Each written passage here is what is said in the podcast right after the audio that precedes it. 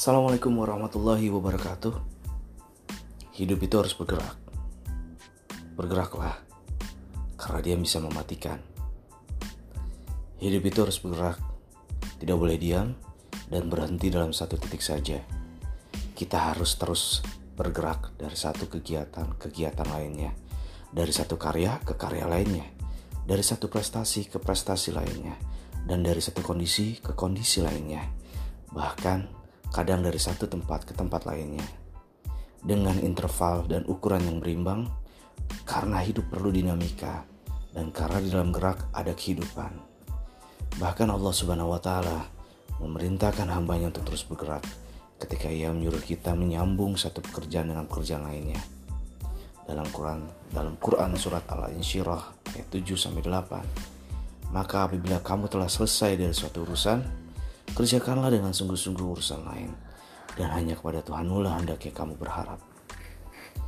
Dalam hidup ini kita harus terus bergerak walau banyak resiko yang akan kita peroleh.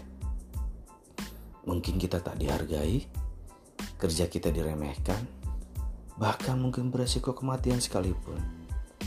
Namun dengan semua resiko itu, tidak akan pernah bisa menyurutkan langkah langkah kita jika semua yang kita lakukan hanya mengharap ridhonya Allah Subhanahu wa taala. Maka kita janganlah terlena jika lelah melanda.